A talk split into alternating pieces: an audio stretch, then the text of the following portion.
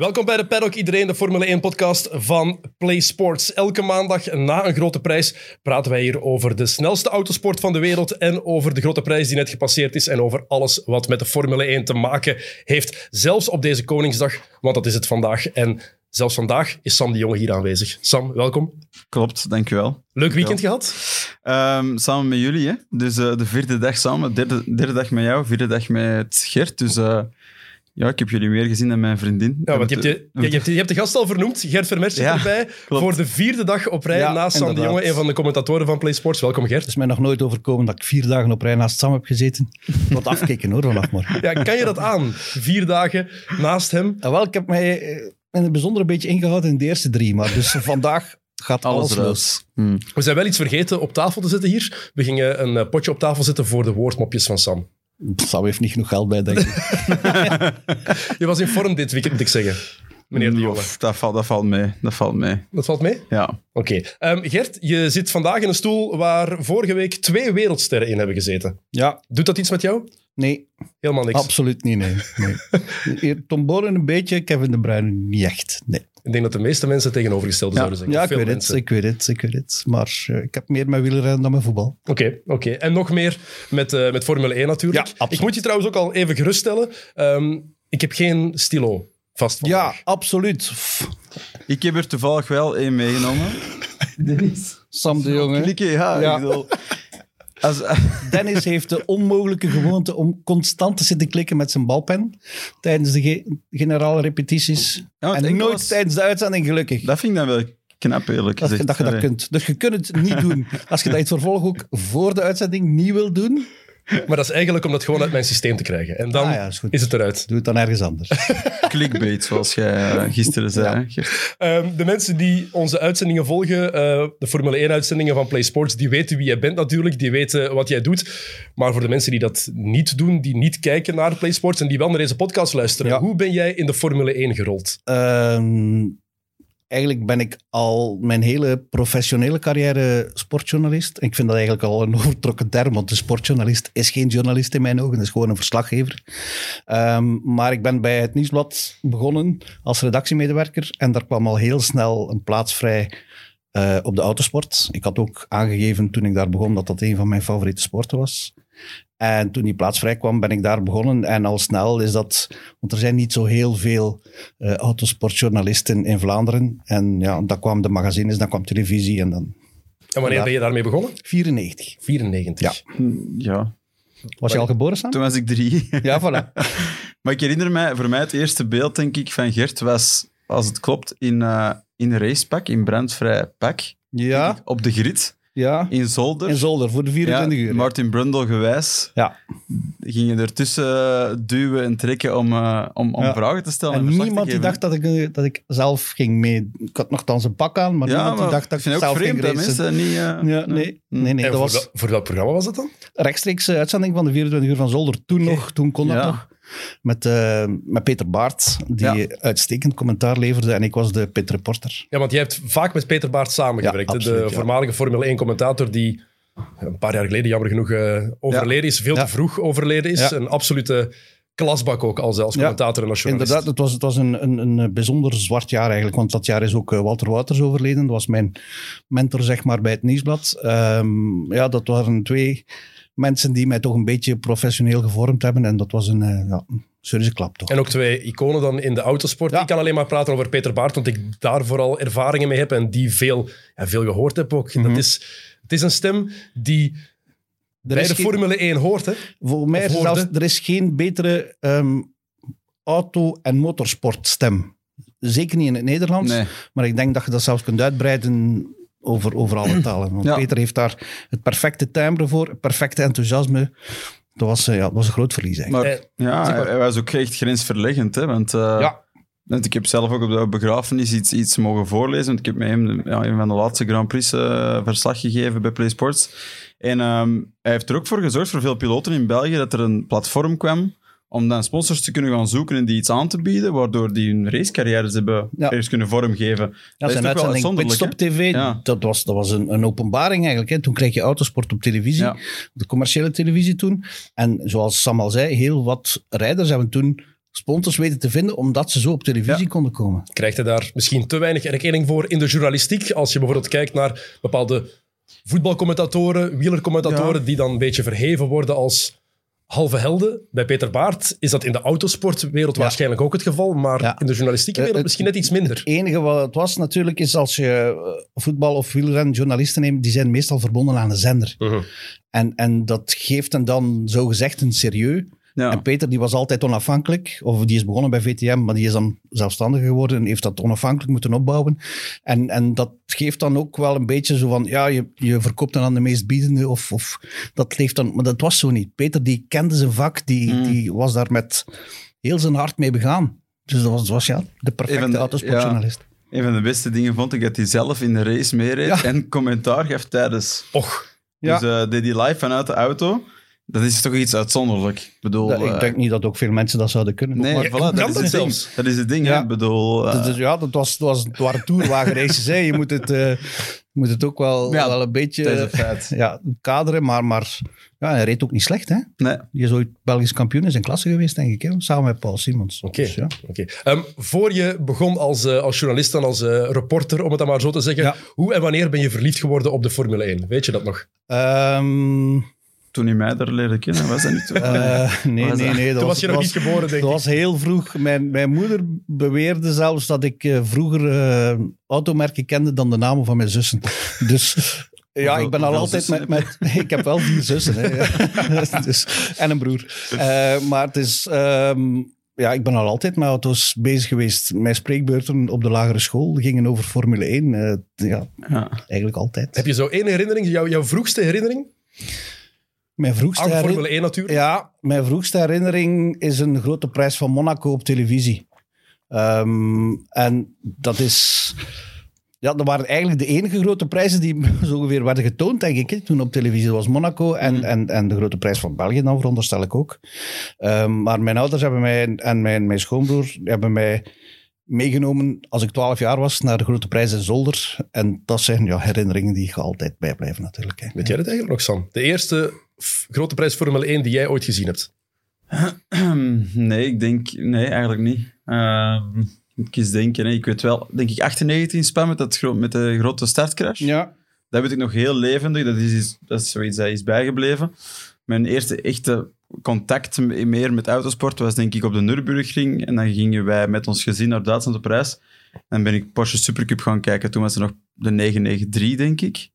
Ehm, dus dat is echt lang geleden. dat was lang geleden. Ja. Dat is een van de eerste jaren. dus ehm, ja, ik had niet veel nodig om echt eh Om verliefd te worden. te pakken te hebben. Hè. En je bent natuurlijk ook eh, als journalist veel naar grote prijzen mogen gaan. ja, Heb je daar zo'n bepaalde, voorkeur. ja, een bepaalde Maar- voorkeur voor, voor een grote prijs? Die van België zal, zullen veel Belgische journalisten zeggen. Ik weet niet of het die ook is bij nee, jou. nee, nee, nee, niet. Nee, het is een heel mooi circuit, maar als journalist heb je daar niks aan. Waarom niet? De faciliteiten in Francorchamps zijn Hm. Om te huilen. Nog altijd. Hè. Het is, het is, ze hebben het iets proberen moderniseren. Ik denk dat ze de 16-9-schermen drie jaar geleden hebben ingevoerd in de perszaal. Ja, het is echt... Door de bomen het bos niet meer kunnen zien. Ja, nee, het, het, is, het circuit is nooit echt goed geleid geweest in Francorchamps. Het Hmm. circuit is... is allez, ik bedoel dan de, het circuit, de, de faciliteiten. Hè. Mhm. Het asfaltlint is fantastisch. maar, maar alles wat er rond ligt... Ik denk dat Sam dat ook kan beamen. Hè. Die paddock, die, die, die lijkt nergens op. Hè. Dat, Ja. is, dat kan zoveel beter. Ehm, nee, mijn favoriete grote prijs is die van Australië. Met kop en schouders. Waarom? Melbourne. Eén, die ligt midden in de stad, het circuit. Albert Park ligt midden in de stad. Ehm, je proeft eigenlijk, het is een metropool in Melbourne. Het is een, een stad die sport ademt. Niet alleen autosport, maar ook tennis bijvoorbeeld. eh, cricket, Aussie voetbal. Moet je echt eens gaan kijken. Ehm, en ja, je voelt dat die hele stad leeft daarvoor. Dat heb je in Europa veel en veel minder hoor. Hm, Daar ja. zit echt die, die kern rond dat circuit. Daar heb je ja, een, een, bijna een wereldgemeenschap die Formule 1 ademt gedurende een week. Daar ben ik nog altijd jaloers voor op Joris Brijs. Een paar jaar geleden, toen Stoffel van Doorn aan zijn tweede seizoen begon bij McLaren, zijn wij ook meer ter plaatse mogen Ja, ja. gaan eh, als reporters. En toen de eerste grote prijs is de enige die Joris Brijs ter plaatse heeft gedaan. Ja, ik was erbij toen, ja. Hij heeft ervan genoten. Hij heeft daar heel hard van genoten, dat weet ik. Ik ben daarna wel nog naar een paar mooie Ja. kunnen gaan. eh, naar die van Baku onder andere. eh, en die van Monza en Bahrein. Ja. Maar toch, Australië, dat, dat heeft ook... En ook het begin van het seizoen. Ja, ja. Het heeft ook iets extra altijd. Dat die, die, die dat was- anticipatie. ja. Ik heb ooit eens, alhoewel, dat is niet overal zo hoor. Ik heb ooit eens in het begin van het seizoen in Bahrein gedaan. Ja, Dat daar is, is, niet- is weinig niet hetzelfde. hè. Dat is niet hetzelfde. Dat is, ja... Daar De weet- sfeer in Bahrein is ook helemaal anders. Hè? Ja, Ja. veel zandstormen, weinig sfeer in Bahrein. Ja, maar daar, daar, is, ook er geen autos, daar is geen autosportcultuur. Nee, nee. Nee, het is een mooi circuit en het is, het is, het is top gedaan. Ik bedoel, er is geld. Ja. Eh, maar de sfeer is er eh, ver te zoeken. Ja. En naar een grote prijs gaan als journalist is ook, ja, dat heeft ook een apart sfeertje. Hè? Eh, je voelt dat zeker als je daar de eerste keer komt, dan voel je, oké, Ja. iedereen kijkt naar jou, wie ben jij? Ja. Ja. Wat kom jij hier doen? En als je dan een paar keer komt, dan word je tussen aanhalingstekens aanvaard. Want het is wel echt een, een heel apart wereldje, een hele aparte cultuur. Ehm, zowel voor piloten als voor journalisten, als voor iedereen die daar ook maar iets mee te maken Je heeft. moet alleen oppassen dat je niet ehm, vastroest in, in die Formule 1. Ik bedoel, ik heb nu het geluk dat ik ook nog andere vormen van autosport kan coveren. Maar er zijn er die enkel Formule 1 coveren. En na een jaar of zes, zeven, acht denk ik soms van, kom niet eens terug op de grond. Want Ja, jullie Ja. zijn beginnen zweven. Jullie weten echt niet meer van de wereld. ja. Omdat het zo'n zo'n aparte discipline is, Formule ja, 1 dan. ook. En, en dat is, het, het, het is een beetje een droomwereld, hè, de Formule 1. Ook binnen de autosport. En als je dan die invloeden zodanig veel krijgt, dan, dan denk je dat dat het echte leven is. Dan word je verwend. Ja, nee, Heel, heel verwend, heel denk ik. veel verwend, denk ik. Zeker als je In Engelstalig de bent. motorhomes, ja. In de motorhomes inderdaad. Er zijn er sommige waar je enorm... McLaren wordt je goed verwend. Red Bull. ja. Ja, Ja. ook leuk, hè? Wordt, Red Bull is heel leuk. Geweest, ja. Ja, dat is... Mercedes ook, hoor. Maar als je er doorloopt, voor mij is het toch een beetje een spookstad. Zelfs op een, op een, op een drukke dag is dat toch iets... Met alle respect, eh, waarom moet het er zijn? Waarom moet het zo groot zijn? Als je vroeger naar de Formule 1 keek en dan vraag je z- jezelf af waarom dat die prijzen zo omhoog gaan en waarom de piloten geen zitjes vinden, dan denk je, maar moest die motorhome er dan per se Ja. zijn? Ja, en ook sommige, sommige celebrities die daar rondlopen, die daar gratis rondlopen dan. Ik was eens een keer in... Ik denk dat het... Waar was het? Dat het Monza was, denk ik, toen. En, of nee, was in Baku. En dan zie je ineens Ricardo Kaká rondlopen, ex-voetballer van, van Milan, en Christina Aguilera en Ja. Dua Lipa.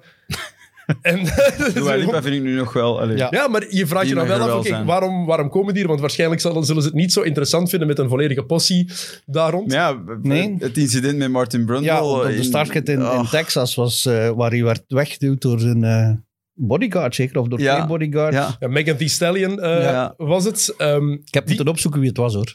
Echt waar. Amerikaanse rapster.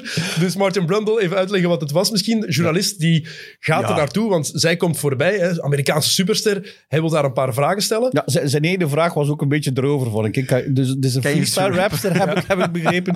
Kan je nu eens iets Ja, rappen? het was Nee, misschien al wel een beetje zo kleineren Ja. bedoeld van hem. Ja. Maar, dat Maar zij reageerde nog wel. Zij Ja, zij wilde reageerde, nog, ja. nog antwoorden, denk ik. Haar bodyguard kwam meteen naar hem toe, die zij eerst even wegduwde. En dan kwam er vanuit de achtergrond nog een of andere Blonde, geblondeerde... ja, nar. Die, die, die Harry Potter-kloon daar. Dat is wel een personage uit Harry Potter. Ja, en die zei dan van ja, ehm, je kan niet met haar praten, you can't talk to her. En Ja. zijn antwoord vond ik wel geniaal. I can because I just did. Ja, Voilà. dat is gewoon zo mooi. Daarom is Martin Brundle eigenlijk een betere interviewer dan een Formule Ja. 1-rijder. Hè? Want oké, hij Ja. heeft een pak Formule 1 Ja. races gereden, meer dan 140. Nooit op het podium gestaan. Was eigenlijk in, in, de, in de Formule 3 eh, de, de evenknie van Ayrton Senna, hè? denk ik, in het Britse Ja. Is het kampioenschap. zo? Ja, maar, maar toen hij- ja, zijn, zijn commentaar is Dat is uitstekend. gevat en. Ja. Een beetje Ja. de Gary Lineker van de Formule 1 geworden, die meer onthouden wordt voor zijn werk als tv, gezicht en stem dan wat hij als sporter Terwijl, heeft gedaan. terwijl Lineker toch geen slechte voetballer was. Hè? Nee, nee, nee. Maar eigenlijk is Alles behalve. Dan heb je beide gehad. hè. Ja. Ook mooi. Zeker als je zo top bent daar. Ja. Wat is de vreemdste ontmoeting die jij hebt gehad in de paddock? Weet je dat nog? Of steekt er zo eentje bovenuit? En, ja, eentje, het, is, en het, is niet, het is niet in de paddock, maar het was wel een, het was een, het was een heel recent interview. Dus met Lewis Hamilton, een Zoom-interview. Die aan het eind van het interview vroeg, eh, jij daar? Want we waren met, met een man of vier, vijf. Oranje hemd. Ja, nee, ik had geen oranje hemd aan. Eh Gerd V. eh, yes. Um, what's Gerd V? Ik zeg, ja, dat is mijn naam. Ehm, ik, ik vind, eigenlijk heeft er iemand ooit al gezegd dat jij lijkt op die kerel uit Ocean's Eleven.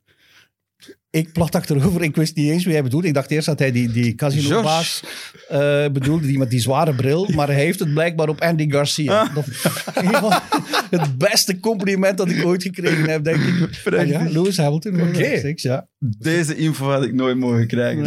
Nee. Dat is echt heel Tot gevaarlijk. week, waar Ja, Sam bij is. maar dat, dat is ongeveer de vreemdste belevenis die ik al... Oké, maar Lewis Hamilton, die sympathiek is tegen journalisten, dat gebeurt ook niet heel Pas na een vaak. half uur interview. Hè. Na, na tien minuten, want ik zat met mijn collega van het laatste nieuws zo naast elkaar voor onze computer. Een beetje belachelijk dat we dat met Zoom moesten doen dan natuurlijk. en we zaten al naar elkaar te kijken, het is hier weer niet waar, het gaat weer niet lukken, want hij is Ja. heel cool in interviews. Mhm. En dan krijgt hij een koffie, dan ontspant hij wat, dan Maar wordt hij helemaal open en dan Ja. voelt hij ook dat je geen ehm overstuur, onderstuur vragen gaat stellen, om het maar zo te zeggen. Dat je Ja. een beetje breder kan gaan. Dat je echt interesse toont. En dan, dan bloeit hij open. Heeft al wat tijd nodig. Heeft wat tijd nodig. Kijk, voor tv voor tv-interviews gaat dat niet echt, want je Nee. hebt maar een paar minuten. Mm. En daar blijkbaar is hij heel gevoelig voor zo lichten boven de camera. Heb ik al een paar keer Ja, gemerkt. dus als, als, de, als de schijnwerper erop staat, is het is, Tenzij dat je Andy Gar- Garcia bent. hè. dan, dan mag je met een pilam daar staan. Een pilam daar staan. Maar terwijl- ik merkte altijd, als ik hem dan moest interviewen, dat hij altijd wat, wat, Mm. wat dwars deed. Het tegenovergestelde van, van Max Verstappen eigenlijk. Ja, Max Verstappen, tv-interviews, vallen best mee. hè. Ja, maar ik, denk dat we ook wel moeten realistisch zijn erin dat die toch allebei uit een ander tijdperk binnen de Formule 1 komen. Toen, toen dat Hamilton begon, was het veel meer, werd het veel meer in de oog gehouden wat je zei. Maar Hamilton Veel meer gemonitord. Heel, Hamilton is heel snel op zijn vingers getikt met die, Ja. die Lightgate in zijn Ja. eerste of zijn tweede seizoen, waar hij voor de camera's iets had verklaard wat niet waar was, wat dan met beelden werd bewezen dat hij had gelogen. Ja. Dan... Ja. Hebt ook de generatie Verstappen, Leclerc, Norris. En dat vind ik goed. Die gaan meer terug naar een Formule 1 die iets meer persoonlijkheid heeft, waar je iets meer terug je eigen ding mag zeggen. En die dwingen Ja. het ook gewoon af binnen die teams. Ja. Ik denk dat dat ook gewoon in, in marketing in het al- algeheel is, dat geloofwaardigheid is belangrijk. Ehm, dus ja, ik denk, dat is misschien moeilijk te vergelijken, die twee piloten op dat vlak. Al is het bij Verstappen wel een beetje aan het veranderen, denk, vind ik. Als je, dat, als je dat vergelijkt met drie, vier jaar Ja. geleden. Het is meer in een keurslijf nu. Ik weet een paar jaar geleden... ehm, ik wilde hem een vraag stellen over Stoffel van Doornen. Ehm, ik had al twee vragen gesteld en dan staat die persman daarnaast, we zal meteen afronden. Hmm. En, Stoffel, en ehm, Max zag dat, dus zijn reactie was dan om even te gaan leunen op het hek en zeggen, doe maar, stel nog maar een vraag. Voilà. Kijk, Ik denk dat ook Max graag interviews geeft in het Nederlands. Ja. In plaats van toch Ja. met Vlamingen. Nederlandse pers is iets anders. Want er zijn heel Ja. veel, moet ik het zeggen, successupporters hè, die ineens zijn neergestreken in de Formule 1. Hij, Max weet maar al te goed ook van zijn vader welke media, welke journalisten de Formule 1 sowieso coveren. En niet degenen die erbij zijn gekomen omdat Max nu ineens is begint te winnen. En hij vond het ook leuk dat ik een vraag stelde over Stoffel van Doornen toen. Van, ja, wat Ja. zou jij doen in zijn situatie? En van, ah, dan kon hij eens iets anders zeggen dan wat iedereen hem vraagt. zichzelf, ja. Maar het, het grappige is ook, die loopt er natuurlijk al heel zijn leven rond. Hè. Ja. Het, hij, is, hij is geen nieuweling op dat vlak. hè. Hij loopt al jaren met zijn vader, liep die ook Ja. altijd gewoon ernaast in de paddock. Dus voor hem is het eigenlijk een Max was één thuis, dag oud. Hij stond op de voorpagina van de krant. Hè? Ja. Zwaar, omdat hij geboren was, was de zoon van Jos Verstappen. hè. Dat is eigenlijk. Hè. Eh, zou het iets voor jou zijn, Sam? Zo worden. reporter worden in de paddock. Nee, maar reporter zijn in de paddock. Je zou het volgens mij alleszins beter doen dan Felipe Massa. Maar Dat is niet zo moeilijk. Ja, wat was dat? dit slechte referentie misschien, maar Ja. ehm, zou ik het graag doen? Dat lijkt me nog wel leuk, maar ik denk voor mij dat het ergens ook nog wel belangrijk is om piloot te proberen blijven zijn. Dat is moeilijk, hè? En niet, ja, niet zo de stempel te krijgen. Rijd- ah, Rijders die journalist worden, dat is rap. De scheidingslijn is heel- Ja. wordt heel rap getrokken hoor. Mensen Dat zeggen is- nu al vaak ja. tegen mij van, Ja. ah ja, dus je bent, eh, je bent overgestapt, je bent gestopt met actief te racen. Ik zeg, ja, laten we even de twee jaar corona niet vergeten, dus, eh, maar daar gaan we volgend jaar iets aan veranderen. Dus toch iets meer achter het stuur. Oké, eh, Gert, we hebben één vraag van heel wat kijkers gekregen gisteren. Ben ik een Max Verstappen hater? Kan Gert zijn schoen ook effectief opeten? Oh ja, ja, inderdaad. Ja, nee, Dit is een podcast, maar gelukkig met beelden. Dus we beelden. kunnen, Ik ga- ehm, ik ga het nu niet doen, maar ehm, ik- ja, ik had dus gezegd dat het nooit ging gebeuren dat Hamilton voorbij Verstappen laat staan. Nee, dat hij erbij ging geraken. Hij is er zelfs voorbij geraakt. Eh, ja, onderschatting van Lewis Hamilton. Het is niet de eerste keer maar het dat was mij dat een, overkomt. we hebben een waanzinnig weekend gehad. hè. Machtig. Vrijdag, zaterdag en Ja. zondag. Het was een weekend om duimen en vingers bij af te likken. De grote prijs van Sao Paulo. Niet van Brazilië, maar Ja. die krijgt dan een nieuwe naam. ehm, door financiële redenen. Daar gaan we, niet op, Waarschijnlijk. gaan we niet op ingaan. Dat is eh, helemaal niet zo relevant. Maar het is een grote prijs die perfect past bij het seizoen dat we krijgen. Dit is wat je, waar je eigenlijk op hoopte. Je, zag, je dacht 21 punten voorsprong, of 19 voor het weekend voor Verstappen. Oei, het gaat moeilijk worden. En dan krijgen we een weekend waarin er vrijdag, zaterdag en zondag spektakel te beleven valt. Ik moet zeggen, eh, na die disqualificatie van Hamilton, eh, na de kwalificaties, dat hij dus als laatste moest vertrekken, ha- had ik het een beetje moeilijk eigenlijk. Want ik zeg, het gaat toch niet zijn dat dit seizoen op die manier gaat beslist worden. Hmm. Maar dan krijg je die comeback van, van Hamilton. En eigenlijk ja, past volledig bij dit seizoen. Het is, het is een zoveelste hoogtepunt in wat voor mij toch wel het beste seizoen van de laatste... Minstens de laatste tien jaar is. Ja, Sinds dat 2008? Sinds het jaar waarin Hamilton massa klopt daar in Brazilië? Maar ik denk dat, nee, ik denk dat we De misschien eerste met, van Vettel. Ja, van Vettel. Ja. Ook met Webber hebben we toch ook wel waren mooie vier gezien. toen, hè, in de laatste koers. Ja. Maar hebben we toen veel op, op, op de baan hebben we toen minder duels gezien Ja. dan, dan nu het geval is misschien. Ja, misschien. Alhoewel, De beginperiode van, van Red, het succes van Red Bull was, Ja, ja. was nog redelijk interessant. Hè? Vettel en Webber hebben elkaar toch ook van de baan gereden in Ja. Turkije bijvoorbeeld. Toen was het ehm, Alonso, Hamilton. Vettel, Webber en Hamilton. Ja. maar ik, denk- ja, ik denk wat, wat zo opvallend is aan dit seizoen is, we hebben altijd zo gezegd, race per race, ja, nu heeft toch Mercedes de bovenhand. Ah, nee, Red Bull nu naar Mexico ook. Red Bull heeft met, op, op vlak van de wagen, nu hebben zij de bovenhand. Nu gaat het zo rustig uitbollen, het kampioenschap. Dan kom je hier Ja. en dan draait het weer. En, en ook En in, in situaties waarvan iedereen dacht, ja, het is, op zondag is het nu zoveel warmer. Red Bull gaat dat hier Ja. klaren. Omgekeerd, alweer, er is niks dat nog geldt dit seizoen. Hoe, hoe kan dat eigenlijk? Hoe kan dat dat, er, ja, dat de dingen die we op voorhand denken te weten, die de specialisten denken te weten, Ja. dat dat zo Het, het is, het, het is een, er zijn een paar... Ten eerste omdat ze zo dicht bij elkaar liggen nu, Ja. Red Bull en Mercedes. Dus je hebt niet veel nodig om de bovenhand te nemen. Wat bij de vorige zes seizoenen was Mercedes toch altijd een pak voor. Dus dan is het iets moeilijker om die situatie om te keren. Ik denk dat dat de grootste oorzaak is. En bovendien, ja, misschien is er ergens een, een, een druk, een foutje, eh, waardoor eigenlijk bestaat er al die veronderstellingen die we de laatste zes seizoenen hebben gemaakt. Dit zijn Mercedes-circuits, dat was ongeveer drie vierde van de circuits, denk ik. dan, dan ja, die, die mag je nu eigenlijk allemaal in de vuilbak gooien. Hè? de stewards maken het ook wel interessant. Ja, Die hebben soms ook wel eh, ja, maar iets in de pap te brokken. En dat, dat is eigenlijk, vind, vind ik dat de, de, de grootste fout die Michael Macy al gemaakt heeft in die twee jaar dat hij nu... Dat inhaalmanoeuvre van... Die, die inhaalpoging van Hamilton op Verstappen, waarbij hij dus Hamilton naast de baan duwde, die is niet eens tot bij de stewards geraakt. nee. Michael Macy heeft dat op de wedstrijddirecteur, die heeft dat op zijn eentje beslist, terwijl hij dat eigenlijk niet mag doen. Ja. Hij, Hoe, moet, hoe kan dat dan, dat hij dat toch doet? Ja, hij, hij ging ervan uit dat er enkel... Dus pech natuurlijk, we konden de, on, de onboardbeelden van Verstappen waren niet beschikbaar, want net echt, en ik zeg ook net, anderhalf seconde vooraleer dat dat inhaalmanoeuvre begint, schakelt de onboardcamera op het onboardkanaal van Verstappen over van de voorwaarts gerichte camera Daarachter. naar achter. Dus je ziet zijn stuurbeweging niet. Mochten ze die beelden wel gehad hebben, dan hadden ze die kunnen bestuderen. Dan hadden de stewards dat moeten doen. Maar nu waren het enkel de beelden die, Hmm. die wij gezien hebben. En Ja. dan, ja, voor Macy zegt hij, we gaan ze laten racen. Wat een goede instelling is. Hè. Dat is absoluut niet fout. Maar zeg dat dan overal. Hmm. Voor de grote Ja. prijs van Mexico zei hij nog, iemand van de baan duwen is absoluut not done. Dat wordt Ja. bestraft. Maar ik denk dat het pijnpunt ligt exact daar, dat, dat het feit van die stewards, hun tussenkomst, is te veel gebaseerd op de context van een situatie en niet op het feit. Ik bedoel, er wordt altijd gekeken van, deze situatie speelt zich af, maar met wie? Zijn het de twee protagon- protagonisten? Ja. Oké, dan wordt het anders bekeken. Is deze een bepalend eh, onderdeel van de, van de race? Dan wordt het anders bekeken. Nee, hou je meer aan die feiten en dan hebben we consistentie doorheen heel het Ja, seizoen. De- En dat- Silverstone is daar het beste voor. daar ligt de frustratie toch in. Was die crash van Verstappen niet zo zwaar geweest? Of was er gewoon geen crash geweest? Dan was het gewoon ook niet onderzocht, denk ik. Nee, als hij het gewoon had gespind, Ja. had Hamilton nooit 10 seconden gehad, nooit. Nee, nee, nee. nee. Dus eh, dat is altijd het ding, hè. ze kijken naar de context van, van, van het verhaal. En Ze dat- kijken naar de gevolgen in plaats van Ja. naar wat er effectief gebeurd is. En het, wat, wat wel stoort inderdaad, dat is in elke sport zo natuurlijk. Wedstrijdleiding, scheidsrechters, ja. Die moeten consequent zijn. En als Ja. de regels voor team A gelden, moeten die ook voor team B gelden. En zeker in de titelstrijd Ja. zoals gisteren is het dan wel raar natuurlijk. En ik snapte de frustratie ook wel bij, bij Hamilton. Want wordt dan gezegd, werd dan aan hem gezegd via de radio van ja, eh, ze gaan het niet onderzoeken. Het wordt niet onderzocht.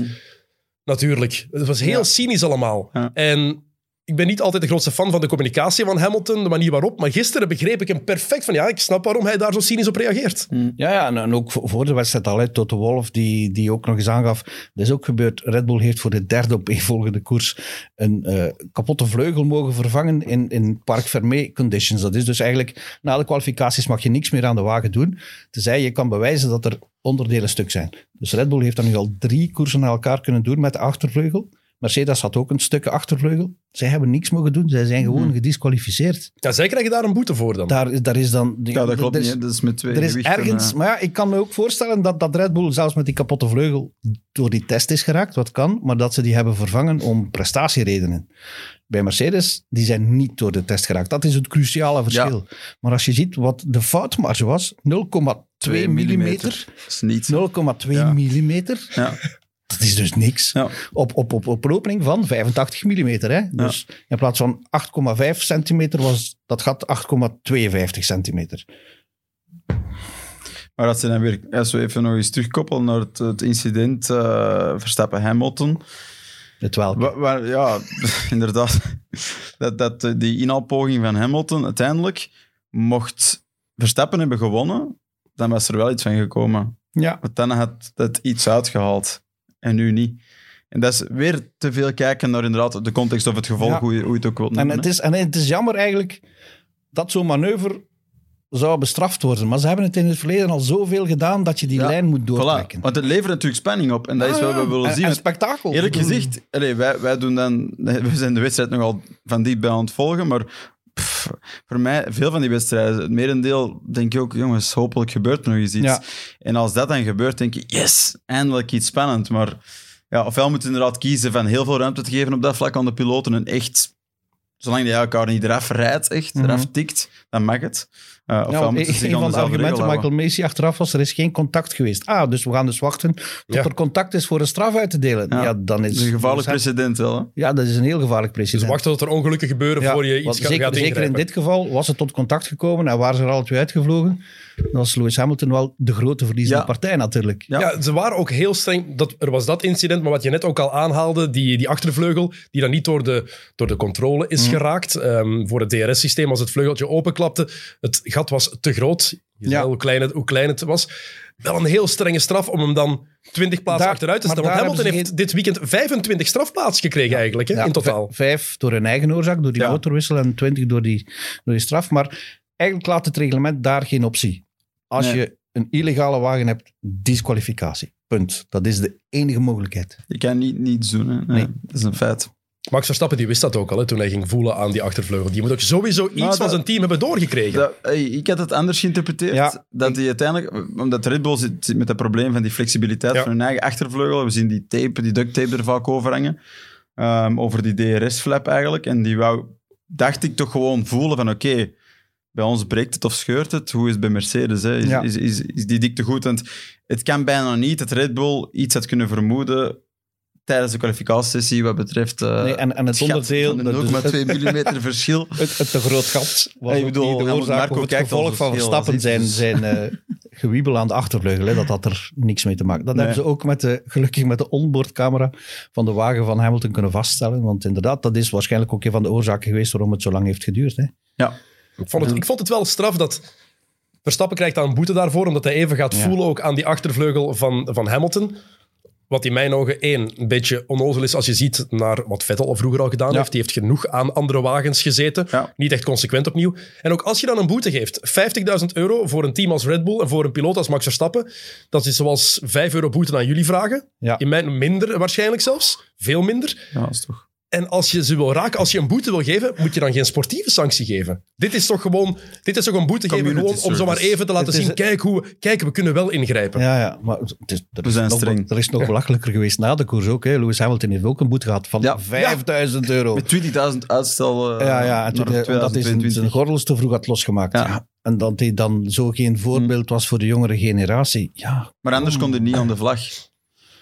Dat was, dat was, dat was het ding, hè. hij moest ze losdoen om aan, aan die vlag te kunnen Ja. pakken van die, van die marshals. Ja, op deze manier gaan we natuurlijk alle menselijkheid uit de sport halen. ehm, en, ik, en- hoop, ik hoop echt dat, dat die stewards die die beslissing hebben genomen, 's namiddags ook hebben gekeken naar de laatste race van Valentino Rossi. En hoe dat daar ja. na de race allemaal is gebeurd. Ik bedoel, Maar daar organiseren ze het meer, hè? ja, ook. zelf. Oké, maar, dat, dat is, maar eigenlijk alles wat daar is gebeurd is tegen de letter van de reglementen. Hè? Want als je daar... gelukkig. Ja, maar, ik bedoel, sport is emotie. Hè? Laat dat er alsjeblieft in. Hè? En als je dan ook daar boetes voor geeft voor het aanraken van die achtervleugel even, dan moet je misschien ook boetes geven aan elk team dat fotografen inschakelt om die wagens zo gedetailleerd te fotograferen. Elk team doet dat. Ja, Natuurlijk. Als je het dan doortrekt. ja. Nee? Nee, Ja. maar dat, dat is niet tegen de regels. Hè? Nee, ik weet het, maar het klopt. staat In, mijn regels ogen- dat je geen Nee, maar als foto's je zo begint. Objectief gezien klopt het toch gewoon niet, dat dat dan wel mag. heel ver gaan als je Ei- wilt. Eigenlijk met een, een rijder met een zin voor humor uh, zo Ja. volgende keer kunnen uitstappen, zijn gsm bovenal en die achtervleugel een foto nemen. Hè. Ik bedoel, Maar plus, misschien bij Valentino Rossi ook wel anders, want dat is een dokter. Dus dokters Ja, mogen ook wel ja, meer, denk meer, ik. Allee. Waar is dat glas? een half, we zijn wel een half uur ver. Zo lang heeft het geduurd Nee, voor... nee, ik heb er alleen gehoord die totaal de mist is ingegaan. Ik ga ze nu niet herhalen. Totaal niet. Wel makkelijk om dat te verzinnen nu, maar goed. Spoel maar terug. Eh, Hamilton die zei zelf van ehm, alles wees erop dat ik hier de titel zou verliezen, alles zat tegen. En dan maakt hij 25 plaatsen goed. Ja. Ehm, het was indrukwekkend, zeker de Britse pers die was in alle Ah, ja, staten. zoals steeds hè, bij, bij zo'n Hamilton natuurlijk. uh, bravoure stukje. Is, is het voor jullie ook, was het ook zo indrukwekkend voor jullie als iedereen of als zoveel mensen schrijven en, eh, en vertelden? Ik was in ieder geval compleet verrast dat hij dat kon in de koers, die, die Ja. kwalificatiekoers. Zelfs daar had ik niet gedacht dat hij tot plaats 5 zou geraken. Het, ging wel heel gemakkelijk, Het hè? momentum dat hij had Ja. om dat te doen. En, en, en toch niet op het makkelijkste circuit om voorbij te steken. Nee, nee, nee, want je, behalve, je hebt echt een goede exit Ja. uit Junsao nodig om, om zelfs de DRS te kunnen gebruiken. Hè? Hij leek zo gefocust en, en ik zeg het, hij heeft hem zo hard gefueld, die sprintrace van oh, ik kan daarin halen, ik kan daarin halen. Hij heeft gewoon gezegd, ik ga dit gewoon doortrekken. Ik ga niet beginnen denken, ah, het was maar de sprintrace. Ik ga dat gewoon ook doen in de gewone race. Zelfs eigenlijk naar zijn banden kijken, daar was ze niet echt heel hard op aan het letten. En dat vond ik wel knap. Hij had gewoon die mindset van, er is maar één manier om deze, om deze situatie van het kampioenschap om te draaien, is om nu gewoon ervoor te gaan. En ehm dat moet je toch echt wel zeggen, petje af. hè. Een eh, vriend en collega van me stuurde wel een mooie vergelijking. Het leek wel alsof Lewis Hamilton eigenlijk gewoon op de PlayStation aan het spelen was tegen de computer AI op, die op 85% stond. Ja. Ja. Zo leek Ja. het inderdaad. Het is hè? iets moeilijker, maar Maar zo Ja. leek het wel. Als je er naar keek, het, ging, het leek zo gemakkelijk te gaan. Hij vloog voorbij iedereen. Ja, en Ja. eigenlijk het had al na twee ronden kunnen gedaan zijn. Dat is een beetje tussen de plooien gevallen. Maar toen eh Raikkonen in die kwalificatierace is rondgetikt door Giovinazzi, Hm. ja. is die vlak voor Hamilton van de baan geschoven. Hamilton daar vijf meter verder gezeten, was het gedaan. Ja. Was het kampioenschap ook gedaan. Ja, zo- ja. Zo kleine details ligt het. Hè. Maar, maar ja, je moet ook durven. Hè. Als, als Hamilton het lef heeft van een, van een Yuki Tsunoda, dan, dan, dan lukt het niet. Ja, en ik vind toch ook wel, we zien toch online heel veel dat, dat Hamilton nogal backlash krijgt, omdat hij, hij wil altijd het perfecte plaatje voorstellen. Hij Ja. wil altijd die Still We Rise boodschap hè, naar voren brengen. Na een tijd zou je je kunnen afvragen, ja, dat is gewoon praat. Maar als hij het dan doet, zoals dit weekend, dan moet hij ook wel zeggen, oké, die gast die kan in het communiceren, maar dan ook zich nog zo hard concentreren om het effectief te doen lukken. En na al die jaren van aan de top mee te draaien, Dat vooral. Eh, Ik bedoel, vooral, ik ben zeker niet meer pro-Hamilton dan pro-Verstappen. Ik ben persoonlijk gewoon pro-goede piloten. Eh, maar je moet hem het geven dat dit weekend uitzonderlijk was. Je- En, het, is, eh, het is nog eens het bewijs van zijn absolute klasse. Zeker als je ook kijkt wat Bottas gedaan heeft in wat iedereen Ja. verwacht dat dezelfde wagen is. Oké, Hamilton had die nieuwere power unit gekregen, maar dan nog. wordt, dan nog. Dat wordt toch overdreven, de impact daarvan. Hè? Mensen zeggen, ja, 30 km per uur sneller. Nee, dat is puur DRS. Ja. En dan een klein beetje motor. En, Natuurlijk en Norris helpt die inhield. maar... En Norris Ja. die inhield. En dat was, dat was het grote... Hij kan nooit 27 km per uur sneller geweest zijn dan Norris. Dat is fysiek onmogelijk. Ja, Norris heeft gewoon het voetje gelegd Ja. om hem door te Ja. laten. Ja, dan, dan zoek denk je van alles. Ja, en ik denk dat Mercedes het gewoon beter voor elkaar hadden dit weekend met, met, met het hele pakket. Ik die denk dat ze vooral extra gemotiveerd waren Ja. door eh, het hele pakket van de stewards beslissingen Ja. en zo. Mhm. Ik vraag me wel af wat er gebeurd zou zijn als we die eh, twee safety cars niet gehad hadden. We, we hebben echt een echte safety car en een Ja, de virtual, gehad. hè. Ja. Had dat een verschil gemaakt? Of kunnen maken? Mm, Niet voorin, denk ik. Nee, Misschien voor. Perez en Bottas, Bottas wel, wel. Ja, die pitstop dat hij Ja. half gratis heeft gekregen. maar voorin niet, denk ik. Nee. Nee, nee, want, ze waren... Ik denk niet dat het, dat het verschil veel groter is geworden. Mm. En Hamilton kon ook... Het verschil kon hij telkens relatief tot op een seconde twee dichtrijden. En dan had hij wat meer moeite. Toch in, in het middenste Ja. gedeelte van de koers. Maar waar haalde Hamilton dan die snelheid vandaan? Zeker als je ziet dat Bottas die, die niet had in vergelijking met, met Lewis. Ja, dat Talent. Heeft, dat heeft met talent volgens mij... Allee, dat heeft een stuk met talent te maken. En, en ergens toch in die positie te zitten van ik kan hier wereldkampioen worden versus Valtteri Bottas die eigenlijk weggaat bij het beste team op Ja. de Formule 1 grid naar een Weg moet. achterhoede team moet. Inderdaad. Ehm, het is toch die mindset van mes tussen de tanden. En, en heeft, Ja, en ook Bottas. Ik denk dat. Bottas ook de opdracht had meegekregen. Je rijdt gewoon je race tot wij zeggen wat jij moet doen. Ja. En geen extra risico's heeft genomen om dan klaar te staan om zijn opdracht die hij dan in de, ko- in de loop van de wedstrijd zou krijgen te vervullen. Wat wel opviel na de race, vond ik, is hoe rustig Max Verstappen daar eigenlijk op reageerde. Op een Red Bull circuit, wat we allemaal op Ja. voorhand eigenlijk dachten. In de omstandigheden, het was warmer, dus de omstandigheden waren veel positiever, optimistischer voor Red Bull. Ze worden dan eigenlijk compleet aan flarden gereden door ene Lewis Hamilton, want die rijdt ook nog eens in, in no time 10 seconden weg. Ja, Moeten ze daar niet wat ongeruster zijn, of is het allemaal een façade? Ja, moet je dat laten merken, dat je ongerust Dat is de bent. vraag. Ik denk Ja. dat, dat dat Verstappen wel nu ondertussen matuur genoeg is om te snappen dat dat Max deel van het spel... jaar heel, nog volwassener geworden. Hè. Dat was hij al aan het begin van het seizoen. Dan maakte hij die domme fouten meer. Ging, zou ook niet meer gaan vechten met Ocon in, in de box, denk ik. maar, maar sinds, hij heeft ook nog een paar kleine foutjes gemaakt in de eerste helft van het seizoen. Hè. Dat inhaalmanoeuvre in Bahrein, die, die koers je altijd Ja, had moeten winnen. Ehm, waar was het ook? In Portugal, dat hij buiten de baan gaat bij een snelle ronde. Van die kleine dingen. En die zijn na Monza, nadat hij bovenop Lewis Hamilton is beland, heb ik de indruk dat hij eh, nog volwassener is geworden. En ook die rust die ze allebei uitstralen. Hè. Dat is... Ze zitten gewoon al ja, on top of their game in zo'n Ja. bepaalde zone. Die dan enerzijds wel misschien heel spannend is, maar dan ook weer rust creëert. Het is iets heel vreemd. Ze zijn echt Ja. zo'n soort van zenzone. eh, waar ze zichzelf ook makkelijk in kunnen zetten. En ze gaan niet meer onder dat niveau. En dat is toch wel... Vorige jaren zag je dat meer fluctueren. Je zag uitstekende races van beide. En dan ertussen vielen ze allebei wel eens weg. Maar nu, ze voelen dat het zo belangrijk is om alles erbij te houden. En ja, dit is, ehm, dit is topsport. Hè. Moeten ze ongerust zijn bij Red Bull? Red Bull. Ik, Als ze, slim, als ze, als ze geen Nee. fouten maken en ja, qua real, reliability van de, van de wagen alles in orde blijft, denk ik van niet. Hè. nu, het beste mogelijke scenario is dat ze met gelijke punten aan de laatste race beginnen. Dat zou hè. heerlijk zijn. Dat zou perfect zijn. Hè. Ja. Wat gebeurt er als ze elkaar dan van de baan rijden? Dat is degene met de meeste overwinningen. Die En dat Ja. zal Ja. dan Verstappen zijn. Die heeft Ja. er negen heeft er negen. Ja, ja. ja. Ja. Oké, en wat we ook geleerd hebben dit weekend is dat Lewis Hamilton blijkbaar een halve Braziliaan is. Ja, dat, dat, Je was al even over die vlag begonnen daarnet, Sam. Eigenlijk was, vond ik, Ja. na, na die kwalificaties, wat gebeurt er hier? Half Brazilië is hier aan het roepen voor Lewis Hamilton. En is ooit anders. is ooit anders geweest. Toen hij Felipe Massa van de titel hield, eh, had hij echt politiebegeleiding nodig om, om terug naar zijn hotel te geraken.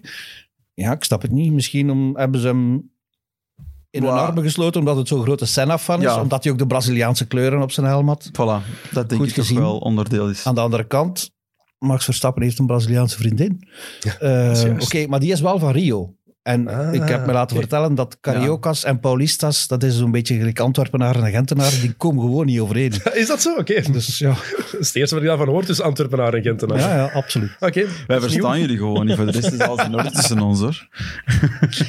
Maar ik vond het wel opvallend. En ook dat hij dan met die vlag, met die Braziliaanse vlag, op het podium gaat staan. Ja. Dat is... Vond ik raar. Maar, maar dat is toch typisch Hamilton? Slim, bedoel, heel slim. Ja. De, bedankt aan de fans, bedankt aan, aan iedereen die hier is. Dat is toch een beetje zijn... eh, En het allee. is per- precies 30 jaar geleden dat Ayrton Senna net hetzelfde Ja. heeft gedaan. Dat weet Hamilton wel hoor, die dingen. Hij is slim, hè? Ja, ja. Ja. Dus Ja, dat klopt. stond er wel een beetje als een Romeinse keizer op een gegeven moment met zo'n ding voor zijn borst geplooid. Dat was een beetje belachelijk. Over, over Senna gesproken trouwens. Heel wat eh, luisteraars en kijkers die hebben hem nooit live kunnen zien rijden. Mhm. Heb jij hem... Ja, je gaat je dat niet meer herinneren als jij die ooit live hebt, zien rijden. Nee. Ehm, wat was er zo magisch aan Ayrton Senna? Voor de mensen die hem niet live hebben kunnen, kunnen bekijken en volgen. Die kon dingen uit de machine halen waarvan je dacht van, dit, dit kan niet. Ik bedoel, een beetje zoals Hamilton gisteren hoor. Ay, dit weekend eigenlijk. Want, want iedereen kent of denkt de fysieke limieten van een wagen te kennen. En dan zet je iemand als Ayrton Senna of Lewis Hamilton Ja. aan het stuur. En die wagen kan ineens veel meer. En zeker in moeilijke omstandigheden. Hè. De grootste race die altijd wordt aangehaald bij Senna is, is, is Donington 93. Waarin hij in het natte ja, iedereen gewoon op een hoopje reed. Hamilton heeft dat ook al gedaan in Silverstone. Op bijna vergelijkbare manier. En dat zijn omstandigheden waarin je het verschil kan maken. Waarin je echt kan tonen dat je een, een, hoe heet dat, een, een osmose vormt met die machine. En Mhm. dat is ook hetgeen wat, wat voor mij het meest bewonderenswaardig is in de autosport. Als een mens één kan worden met een machine, ja, dan, dan, dan Mhm. sta ik daar altijd versteld van. Komt daar natuurlijk ook nog bij dat hij een uitzonderlijke persoonlijkheid had. Hè? Iemand Ja. die zich uitsprak, Ja. die zich uitsprak voor de veiligheid van de wagens, die ja, niet Maar zomaar gewoon dus- meedeed. Het is geen... ik bedoel, absolute respect voor Senna, maar het is niet allemaal positief. Hè. Hij Nee, heeft, nee. Ook zijn, heeft ook zijn Schumacher Ik heb ook vuile spelletjes gespeeld. heeft ook mensen van de baan gereden, in het midden van de Mm. piste blijven rijden tijdens kwalificaties in Monaco. Ja, maar hij ging toch Bij, wel... bij Senna in- kan ik dat nog vergeven. Ja, want hij ging toch wel... Hij durfde ingaan toch tegen de vaste waarden. Zelfs tegen Jackie Stewart. Zo'n een prachtig ja. interview waar hij echt tegen een van de legendes uit de Formule 1 er gewoon er, er los tegen inging. En, en dat vormde hem toch iets meer voor mij toch als persoonlijkheid. Plus ook wel die opkomst... Ehm, uiteindelijk, Hamilton is in, is in een hele goede auto bij een goed team gestart in de Begonnen, Formule 1. ja, ja, En bij, bij Ayrton Senna was dat niet het geval. Wat hij toen heeft laten zien met die auto's, dat was, Ja. ja, dat was toch indrukwekkend. Ja, die, je kijkt natuurlijk naar oude beelden. heb jij ongetwijfeld ook gedaan Ja. van heel wat piloten. En bij Senna, dat, zijn toch, dat is toch de, de gasten waar je altijd op doorklikt. Op YouTube van, oké, die wil ik meer van Mm. kijken. Ja, Nog wat meer onboard beelden. En dan heb je natuurlijk ook die, die prachtige docu, documentaire Ja. over Ayrton Senna.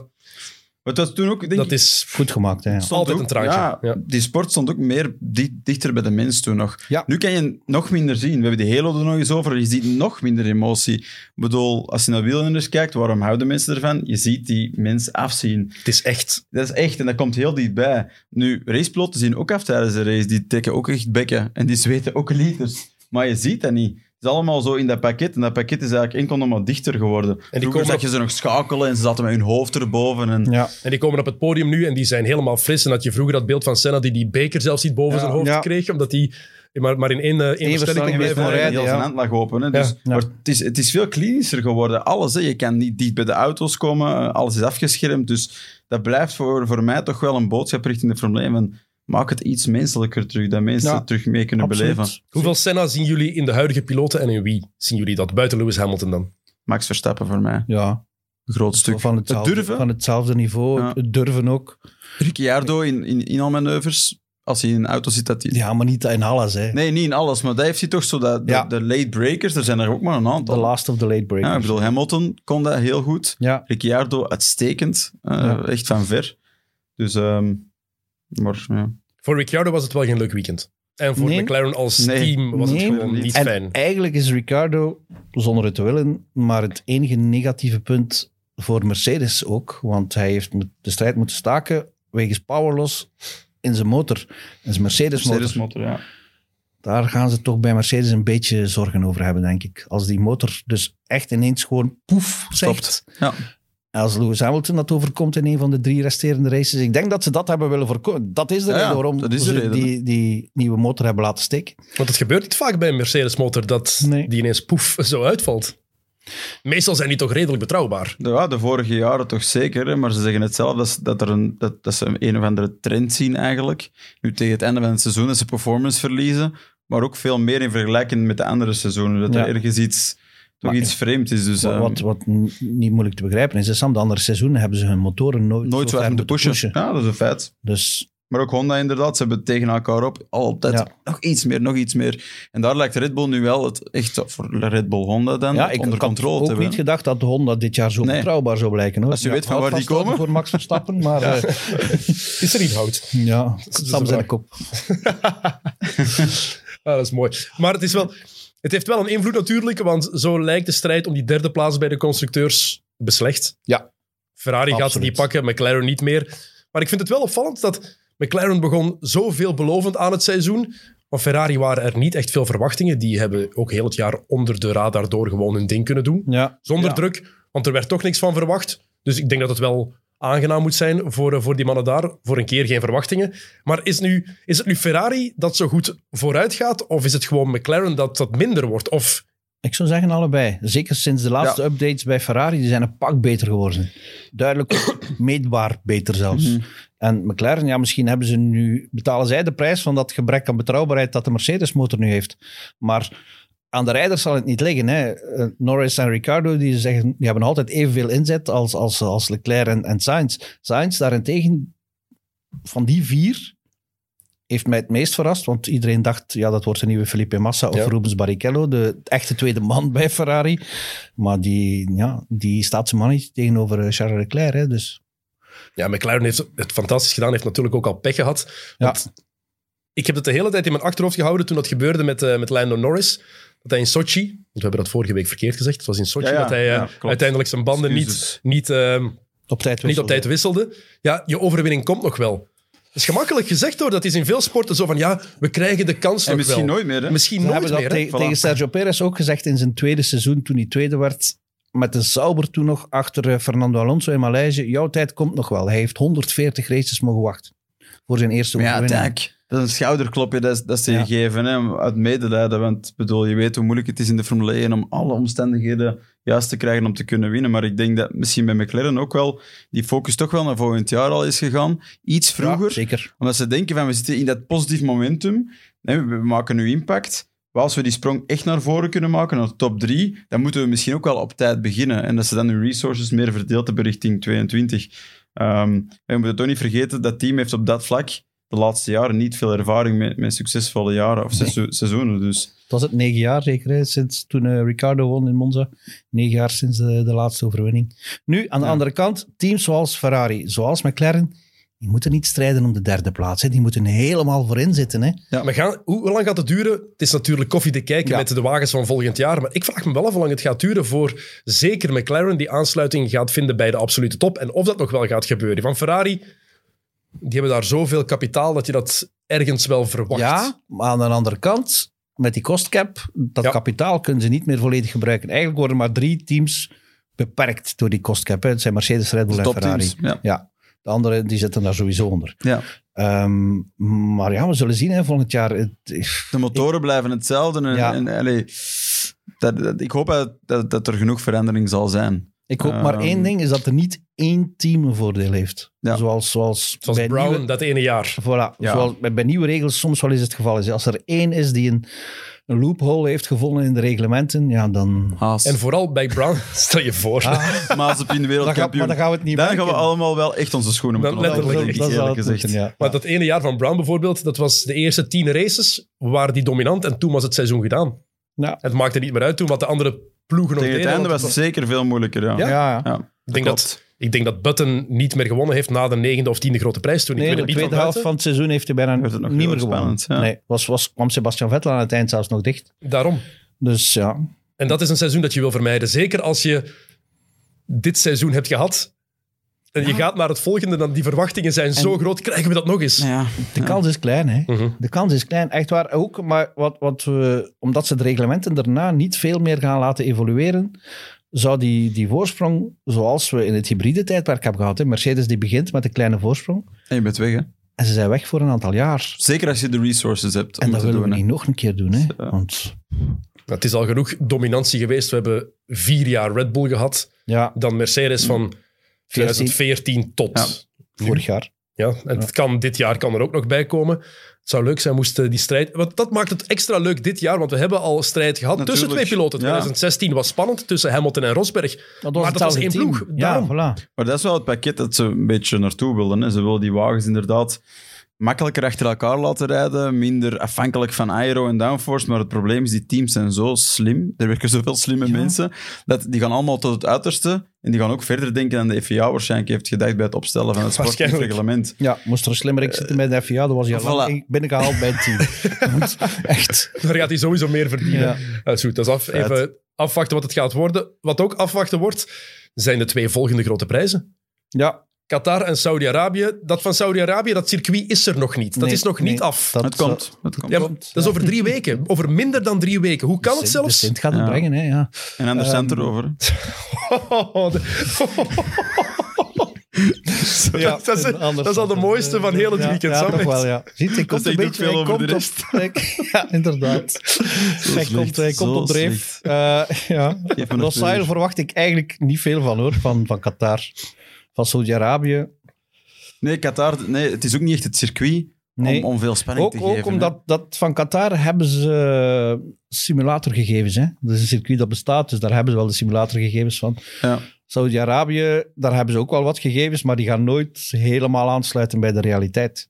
Nee, het ligt er nog niet. Dus, Dus- ze, ze denken hoe het er gaat liggen, maar Ja, ja, voilà. En ja, we hebben al veel gezien bij nieuwe circuits, de challenges dat het soms vormt. Tijdens de vrije training, dat er putdeksels loskomen of zo dingen. Oh, daar hebben we niet aan gedacht. nou ja, bedoel... Mazepin in de gaten houden op vrijdag vooral. Ja, dat is bijna onvermijdelijk. Maar ja, ik hoop maar dat ze aan elkaar gewaagd zijn, Mercedes en Red Bull, op beide circuits. En ook op het vernieuwde Abu Dhabi, hè, want dat is een beetje aangepast. Ja, dat is Eigenlijk misschien zelfs in het voordeel van Mercedes, met een Hoe- betere, ex, betere exit op het lange rechte Ja, stuk. ja Als, we, als Ja. we de, de, wat Hamilton nu heeft laten zien met zijn, met zijn eh, Die laatste, ja, Ja, de laatste echte bocht, Ja. daar zagen we veel verschillen. Dat hij daar zoveel beter uitkwam. Dus Hoe komt het dat zo- zo'n Mercedes-wagen daar dan zoveel beter uitkomt dan alle andere wagens? Dat ligt aan het ontwerp van de wagen. hè. Ja. ja dat is Filosofie. Dat is, dat is een, ja, in de, de loop der jaren opgebouwd. Dat is dit jaar een pak minder dan vorig jaar, omdat ze dus die vloer aan het eind hebben moeten bijsnijden en wat kleiner hebben moeten maken. Ehm, Maar ze hebben dat toch weer goed opgelost. Hè? ja, beter dan. Aston Martin. Aston Martin, ja, dat is een, eigenlijk een kopie van de Mercedes. De roze Mercedes, nu groene Mercedes. Nu de groene Mercedes, maar die, die staan nergens. Hè. Wat staan er nu? Zevende zeker, Je kan ze ook op de baan moeilijk uit elkaar houden. Omdat Ja. de, kleur, de groene kleur zo donker is dat het wel het zwart van Mercedes ze gaan lijkt het vaak. volgend jaar veranderen hè, bij Aston Martin. Het is een prachtige groene Ja. kleur, hè, maar het is Niet op te- gewoon... maar niet op televisie. Nee, nee, inderdaad. Nee. En het lijkt gewoon te hard op die, eh, Ja. op die Mercedes-wagen. Ja. We hebben ook net de derde en laatste sprintrace gehad van dit seizoen. Gert, je hebt al heel vaak gezegd dat je daar geen fan van bent. En Sam, jij bent soms nog Ja, ja, positief. ja. De vraag is, hoe lossen we dit op? Wat is het, de beste oplossing om voor wat vernieuwing te zorgen, ehm, voor wat spect- extra spektakel te zorgen? Want ik vind het wel positief dat ze iets proberen. Ja, absoluut. Dat is positief. Ehm, en het was zaterdag ook een goede sprintrace. Maar het was een goede sprintrace omdat Lewis Hamilton, Hamilton. helemaal als laatste vertrok. Behalve in de eerste ronde hebben we, en de passeerbeweging van Hamilton opzij gelaten, hebben we nog één en al manoeuvre gezien, Ja. zeker? Dat is redelijk pover eigenlijk. Hè? Maar wat dan met reversed grids? Nee, nee, nee, kom, dat is... Nee, maar, maar als we spreken over dat Hamilton het heeft gebracht... Ja, ik weet het, maar reverse grids is Verstappen dan voorlaatste. En, en Mazepin Ja. en Schumacher op de eerste startrij. Dat wil ik persoonlijk Kom. wel zien. Allee. Want dat heeft toch geen sportieve waarde meer, Sam? Nee, nee, nee. Ik weet, het, het, is, het Ga zou dan race rijden in Ja. Warneton, hè? Dat is ook... Waar ik wel achter sta, eh, maar ik weet dat Gert er misschien ook niet helemaal in te vinden is, maar eh, die one-lap qualifying. Eén Ja. ronde om het te doen. Ik weet het, er zijn dan andere dingen, die parameters die niet meer meespelen, inderdaad, zoals verkeer. Maar het, Mazepin i- kan niet meer in de weg rijden. het dan, idee van een, een quali-band, dat je zegt echt van, die is twee, drie seconden rapper. Ja, Je hebt er weinig info over, zoals het vroeger ook was. En je hebt één ronde om het echt te doen. Dat vind ik toch, ja, dat heeft Ja. toch wel iets. maar is slechte televisie. Ja, nou, dat is waar. Dat is slechte televisie, hè? Dat is één auto die rijdt, hè? Een uur lang. Het, is, het zijn twintig verschillende auto's, maar... Dus kunnen, is- kunnen die andere ik opwarmen. vind het kwalificatiesysteem, het eigenlijke kwalificatiesysteem zoals het nu is, dat heeft wel iets. Je hebt om Ja. de 12 minuten, 17 minuten een, een, een hoogtepunt van rijders die wegvallen. Ja, sorry, Dat- maar dat die is- dat is dus die- compleet, Die opmerking van Sorry, Sam, maar misschien die wagens, ik zie dat nu al voor mij, dat hij Ja. zo vooruit en achteruit zitten te rijden. Ja, Ik denk dat Dennis jou niet zo serieus... Ga verder, Gert, ga verder. Ga verder. Sorry. ik probeer hem te negeren. Tot nu toe was het bijna gelukt. Eh, dus die kwalificaties, volgens mij, daar is niks aan. Het is de zaterdag hè, die het probleem is van dit eh sprintkwalificatieformat. En als je die zaterdag er nu De vrijdag is mooi, hè? als je die zaterdag daar nu eens gewoon uithaalt. En Vrijdag en zondag dan. Nee, ja, maar zaterdag en zondag om het praktisch te houden. Ja, ik weet het, een dagje rust. Wie weet wil je dat? Goed idee, Gert. tweedaagse weekends, daar is toch niks verkeerd mee. En dan die vrijdag, hè, die kan je gebruiken om de rijders wat dichter bij het publiek te brengen. Doe Nee, wat handtekeningen sessies, doe wat, wat interviews op een podium. Breng ze Amerikaanse NASCAR gewijs naar het publiek. Ja. Ze gaan daar niet tegen zijn hoor. Ze moeten minder, en zeker in En raceteams ook niet, want er wordt Nee, veel voilà. gepraat over de druk op, op de werknemers. Ja. 23 raceweekends volgend jaar, denk ik, dat Ja. dat bevestigd is. Eh, Ongelooflijk druk voor die mensen. Die moeten echt hard werken. Dus ja, het zou in die zin misschien wel twee dagen in plaats van drie niet zo Maar slecht De enigen die er tegen zijn, zijn de organisatoren, want die hebben Ja, natuurlijk. driedaagse tv-weekends Plus. verkocht. Ja, Ook. Dus de Liberty Media en de organisatoren ook. Hè. ja. Dus Ja. Die gaan dat niet zomaar toelaten hun geld. commercieel gezien niet zo, niet zo gemakkelijk. Money rules nog altijd. Hè? Ja. Maar er zijn wel opties om het te blijven vernieuwen. En om voor spektakel te blijven zorgen. Ja, ik- de onvoorspelbaarheid moet omhoog. En dat lukt door één vrije training voor de kwalificaties te doen. Wat het jammer inderdaad aan die sprintraces is, je ziet dat iedereen ook inhoudt, want niemand wil brokken. Nee, De voilà. dag voor, die, eh, Ja, voor de wedstrijd zelf. ik, ik vind wel dat, dat als je ziet waar de sprintraces werden gehouden, dat dan Brazilië een juist circuit ervoor is. Ja. Dat zou bij Zandvoort ook hebben kunnen. En dat had waarschijnlijk ook voor iets meer spanning gezorgd. Toch een moeilijker, technischer, kleiner circuit. Dus dat is iets waar ze denk ik wel iets beter kunnen mikken. Oké. Eh, voor volgend seizoen, we hebben het daar al heel even over gehad. Als we kijken naar de piloten, er is toch één plekje dat onzeker is. Dat van Giovinazzi Ja. bij Ja. Alfa Romeo. Wat gaat ermee gebeuren volgens jullie? Wie gaat dat krijgen? Ik denk dat Zhu nog altijd eh, een Chinees. ja, een helaas. grote kans maakt. Ja. Ik zag ergens eh, iets voorbij komen op Twitter. Ik weet niet of het eh gefotoshopt was of niet. Maar ergens eh, in China al een, zoals een poort voor een winkel waar die al op stond geprint. ja, Dus, ehm, maar in ieder geval, of dat, dat nu waar is of niet, het, het- hij maakt veel kans. En Is hij, is op zich een goede rijder. Is Ja. hij beter dan Giovinazzi? Denk het eigenlijk wel. verdient hij die plaats? Nee. Nee. Leg Ja. uit. Nick de Vries, één. Die verdient die plaats al meer. Maar oké, dat is een Mercedes-rijder. Dus daar gaat ergens een deal moeten komen met, Ja. de, met de motor dan bij, bij Sauber. Want dat is het eigenlijk nog altijd. Het heet nu Alfa Romeo, maar dat is een titelsponsor. Hè. Het team is nog altijd het Hm. Zwitserse Sauber. En dan, dan hebben we ook nog ehm, een paar andere rijders in de Formule 2 die beter zijn dan, dan Guan Yu Zhou. Guan Yu Zhou is al een paar jaar in de Formule 2 bezig. Hm. Had dit jaar kampioen moeten worden, maar zal het misschien ook Hm. weer niet worden. Ja, je hebt Piastri in, in GP2. Piastri die is, een rookie-seizoen talent. Formule 3 wordt hij kampioen. Rijdt nu zijn Ja. rookie-seizoen in de Formule 2. Staat op kop. Zet die man in Ja. de Formule 1 alstublieft. Hoe ga je anders een doorstroming krijgen? Ja, dat is een feit. En leg misschien een leeftijdslimiet op Fernando Alonso. Maar dat kan ook natuurlijk. Hè. Oh, dat heb ik hier opgeschreven. Moeten mannen als Alonso en Vettel dan ook niet plaatsruimen? Dat klinkt nu heel hard plaatsruimen, maar zeker Alonso, waarom is die zelfs teruggekomen als er zoveel jong talent zit aan te komen? Ja. Commercieel is dat natuurlijk interessant. Voor dat snap ik ook voor die teams, Ja. uiteraard. Maar als er zoveel jong talent zit aan te komen, moeten die teams dan ook niet gewoon ingrijpen en die jonge gasten die kansen geven? Of is dat zoveel interessanter om die ervaren mannen Nee. als Vettel en Alonso daar te zetten? Ja, commercieel dus wel. En, en spijtig genoeg blijft Formule 1 een commerciële sport. eh, voor een groot stuk. Maar ik vind dat ook hoor. Dat, dat, dat zo'n mannen, wanneer ze maar willen, kunnen terugkomen. En dan zo, en nu weer genoeg van, we gaan wat Dakar rijden. En we komen dan nog eens terug. Ja. Eigenlijk is dat een beetje hallucinant. En het komt ook niet echt geloofwaardig over naar de mensen die die Formule 1 niet echt van dichtbij volgen. Want die denken, oeh, topsport is toch de beste op dat moment, die je dan die beste positie krijgt.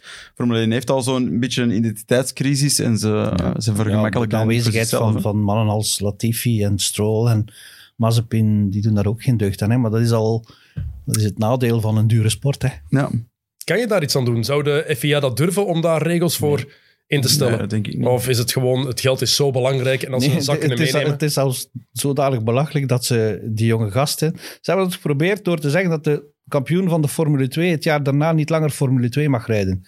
Dus om de teams een beetje te dwingen ze op te nemen in de Formule 1. Het heeft het omgekeerd effect gehad. Die mogen allemaal naar Japan. Ja, is toch waar? Sushi eten. Ja, dat, dat helpt echt niet om, om die rijders naar de top te Nee, krijgen. nee. Maar je moet... Het is moeilijk voor een team, ik kan me dat voorstellen. Je moet jonge gasten een kans geven en je moet ze dan ook tijd geven om, om te groeien. Wat George Russell niet heeft kunnen doen bij Williams, dat is het droomscenario. Hè? Dat is gewoon drie jaar bij het startteam. Iedereen zegt van, kijk hoe goed, hoe goed hij is. Ja, Hmm. met een Williams. Je, zit, je kunt moeilijk iets minder druk, hè? Ja, ik Je kunt bedoel, moeilijk iets verkeerd doen. Ik wil hem volgend jaar nog eens zien hè, naast Lewis Hamilton. Als je ziet in welke vorm dat Hamilton nu is, Ja. het is niet Bottas, hè, het is niet Bahrein, eh, Nee, waar nee, die nee, even nee. als Bottas instapt, het is Lewis Hamilton. Die, het, team, ja, het team werkt voor hem, hè? dat zie je duidelijk. Hè? Het kan heel intimiderend zijn. We hebben dat bij Ja. Stoffel van Doorn ook gezien. Hè? Ja, Hoe geïntimideerd dat hij was Ja. door, door Fernando Alonso, Ja, door die klopt. aanwezigheid alleen al. Dus Heel benieuwd naar. Hoe kijken jullie trouwens naar, naar Sebastian Vettel nu? Viervoudig wereldkampioen. Hmm. De jongste wereldkampioen ooit, nog altijd zeker.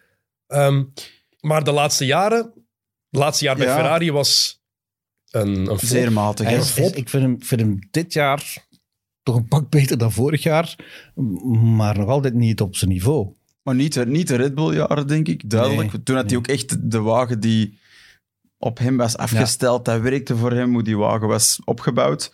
Ik, ik zei in het begin van het jaar, tijdens een van de eerste Grand Prix, zei ik ook van, is hij zijn motivatie verloren? En dat was dan iemand op Twitter eh, die daar heel hard op inging. En dan stond hij volgens mij dat weekend nog op podium. Ehm, maar ik vind wel, dit jaar duidelijk, alle races daarna heeft hij goed gepresteerd. Ja. En heeft hij ook de bovenhand gepakt hè, van, van Stroll. Uh, Mhm. Stroll was, zat, zat in een goede ritme, maar dat is nu weg. En ik denk dat hij wel meer ruimte krijgt bij Aston Martin, dat hij daar geapprecieerd wordt. Dat hij daar door vader Stroll ook echt wel, wel als iemand wordt gezien, een mentor. En in die positie als we naar Ferrari kijken, dan heb je geen respect meer de laatste twee jaar. Ah, nee. Maar het, maar het is soms jammer, hè, door wat er in het laatste jaar zeker bij Ferrari is gebeurd en dat hij nu bij een minder team zit, vergeten we soms hoe geniaal die is geweest. Hè? Ja. Voor, ook voor zijn wereldtitels bij Red Bull. Wat hij bij, heeft bij Toro Rosso gewonnen in, was het in Monza? Monza, ja. Maar dat vurige heb ik wel al heel lang niet bij Sebastian Vettel gezien. het vuur is... Het was zelfs geen waakvlammetje meer. hè. Het vuur is uitgegaan in de laatste seizoen bij Ja, Ferrari. ja. Ja. Dus ze gaan nog een paar aansteekblokjes moeten vinden om dat weer echt helemaal te doen opwakkeren. Die Want- crash in Hockenheim daar. Hè? ja, inderdaad. Dat is volgens mij, Dat is een echt keerpunt. Ja. heeft het echt gedoofd, het vuur. Daar, daar ja, dat is waar. of toch, ja, toch een serieuze brandblusser op gezet. Ja. Want want als het hij- had nog kunnen goedkomen hoor toen. Had het bij een ander team geweest. Want toen zijn ze daar bij, Ja, bij bij Ferrari, Ferrari. zodanig beginnen knoeien. Oké, Ferrari heeft dan niet de beste reputatie, maar dat komt onder andere door zo'n tweede seizoenshelft, wat ze daar toen allemaal verkeerd hebben gedaan. Daar hebben ze echt Dus- laten lopen. Hè. Daar hebben ze echt ja. kampioen kunnen worden. Toen hadden we een spannend seizoen kunnen krijgen ook. Ja, Ja, ook, ja. zeker. Maar hebben ze het helemaal verpest. Oké, Ja. Sam, we moeten bijna afronden. Heb jij nog iets dat jij wil vertellen? Mm, nee, tenzij dat je iets... Ik vraag het aan jou. Hè? vraag? Nee. Nee, het was geen suggestieve vraag, het was een oprechte vraag. Oké, dan gaan we afronden. Eh, Gert, bedankt dat je tot hier wilde Graag komen. En jij komt terug na de laatste grote prijs. Ja, graag. Na het seizoen, hè. Na het seizoen, inderdaad. Sam, jij bent er volgende week ook weer. Yes. En volgende week komt Andries Bekkers hier zitten. De man van de meest populaire podcast van België, van Welcome to the EE, met eh, Alex Agnew. Eh, grote Formule 1-fanaat, dus ik ben heel benieuwd wat daar Ja, van gaat komen. Gaat de moeite zijn. En kijk natuurlijk naar de grote prijs van Qatar op Play Sports. Zaterdag en zondag gaan we die volledig uitzenden. Kwalificaties zaterdag en zondag de wedstrijd zelf. En hopelijk wordt dat de moeite. En misschien mag het verschil tussen Verstappen en Hamilton nog wat kleiner worden. Ja, Naar- nu is het Ja, ja. 14 punten. naar. Puntenwijs, hè. Ja, je moet nog een beetje dichter komen. Als ze het nog een keer kunnen halveren, dan zitten we goed, denk ik. naar zeven punten. En dan gaan die laatste twee grote prijzen zwaar de moeite worden. Oké, mannen. Dikke merci. Jullie bedankt voor het kijken en of luisteren. En heel graag tot de volgende week. Salut.